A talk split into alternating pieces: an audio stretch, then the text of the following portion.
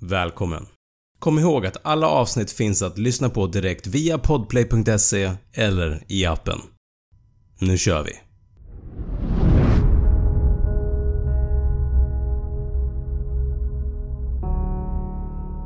Antarktis Det är både en världsdel och en kontinent.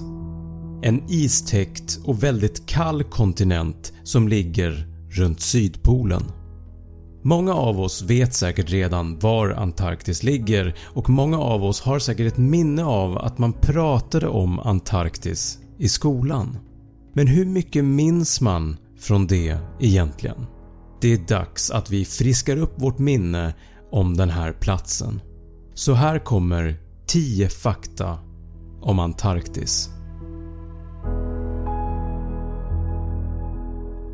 Antarktis är den enda kontinent på vår jord som helt saknar en befolkning som bor där permanent.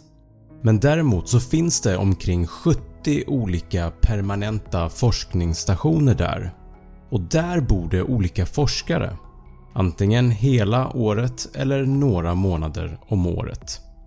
Vi har till exempel den amerikanska forskningsstationen Amundsen Scott den japanska forskningsstationen Showa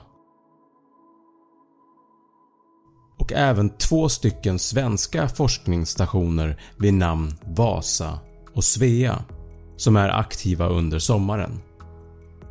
Man kan till exempel forska om is, för det finns det gott om där, men också om växter, djur, berg och även rymden. Antarktis är den kallaste platsen på vår jord. På sommaren kan temperaturen komma upp till plus 10 grader vid kusterna och minus 30 grader i mitten av kontinenten. Och på vintern är temperaturen minus 40 grader vid kusterna och minus 80 grader i mitten av kontinenten. Den lägsta temperatur som någonsin uppmätts här är minus 89,2 grader. Den temperaturen uppmättes vid den före detta sovjetiska forskningsstationen Vostok den 21 juli 1983.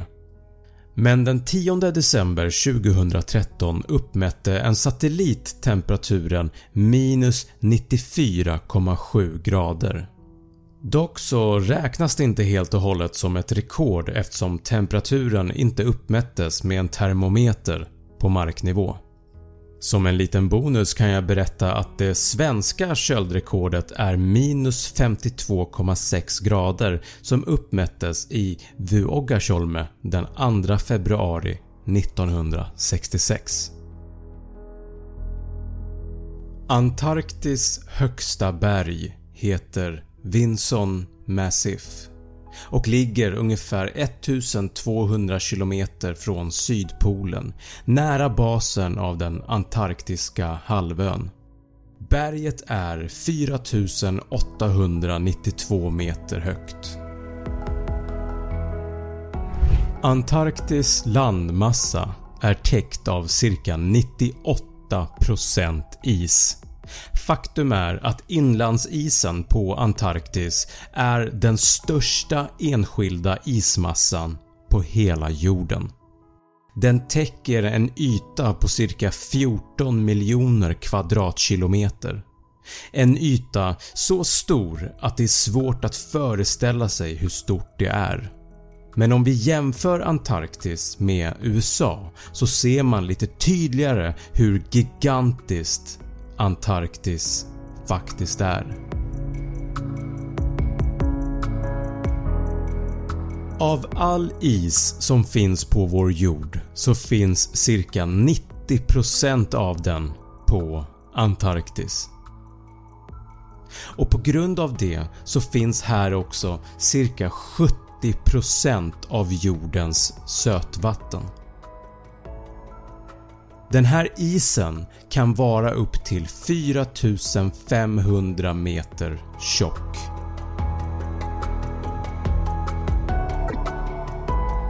Antarktis har bara två säsonger. Sommar och vinter. På Antarktis sträcker sig sommaren från oktober till februari-mars och vintern från mars till september. När det är sommar på Antarktis så upplever man det naturliga fenomen som kallas för midnattssol.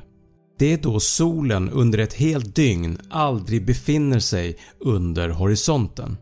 Det är med andra ord ljust hela tiden, även på natten.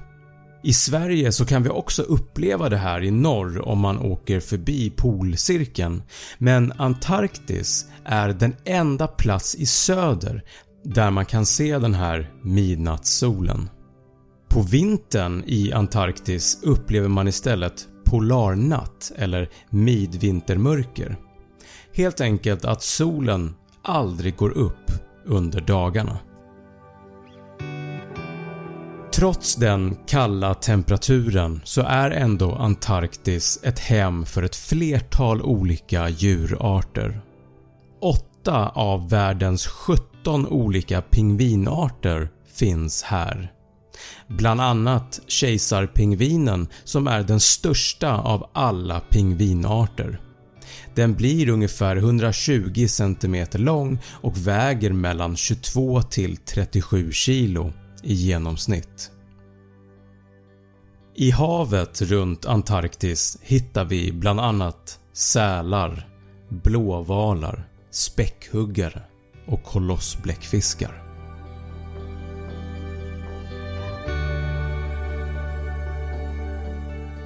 I mitten av maj 2021 bröt sig ett isberg loss från Antarktis vid den här platsen. Ett isberg som var 170 km långt och 25 km brett. Med en yta på cirka 4320 kvadratkilometer så är isberget större än den spanska ön Mallorca eller cirka 73 gånger större än Manhattan i USA. Isberget kommer dock inte att höja havsnivån eftersom isen som den kom ifrån flöt redan ute på havet. Man kan tänka det som att en smältande isbit i ett glas med vatten kommer inte att få det att svämma över. Men hade isberget däremot legat på land och sen åkt ner i havet, då kan det höja havsnivån. Det blåser väldigt mycket på Antarktis. Det beror mycket på att Antarktis dramatiska höjdskillnader skapar så kallade katabatiska vindar vilket är vindar som blåser nedför sluttningar.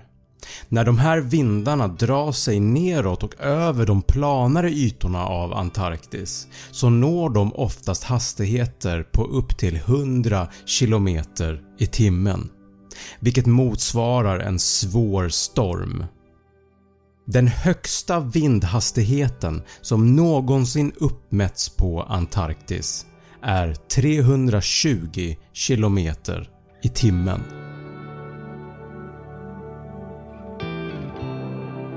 Har jag nämnt att det finns mycket is på Antarktis? Det gör det i alla fall.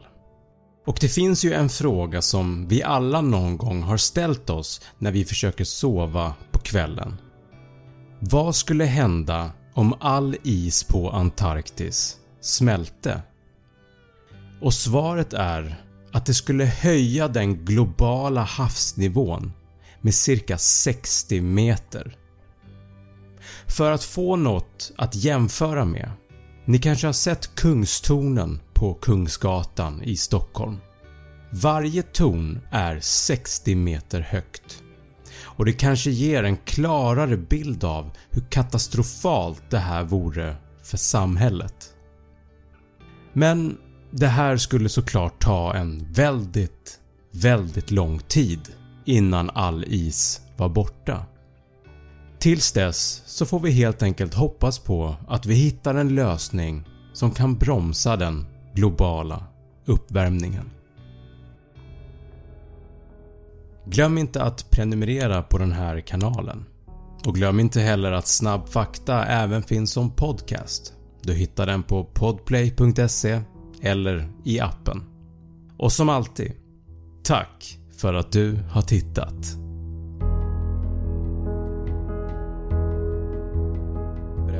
Det svenska köldrekordet är minus 52,6 grader som uppmättes i Vi... Vi... Viogars är minus 52,6 grader som uppmättes i Viogars... Voig... Som uppmättes i Viogars... Vi... Vu... Vu... Vi... Kunde man inte valt ett lättare namn? Glöm inte att prenumerera på min YouTube-kanal Snabbfakta och följ mig gärna på Instagram där jag heter snabb.fakta.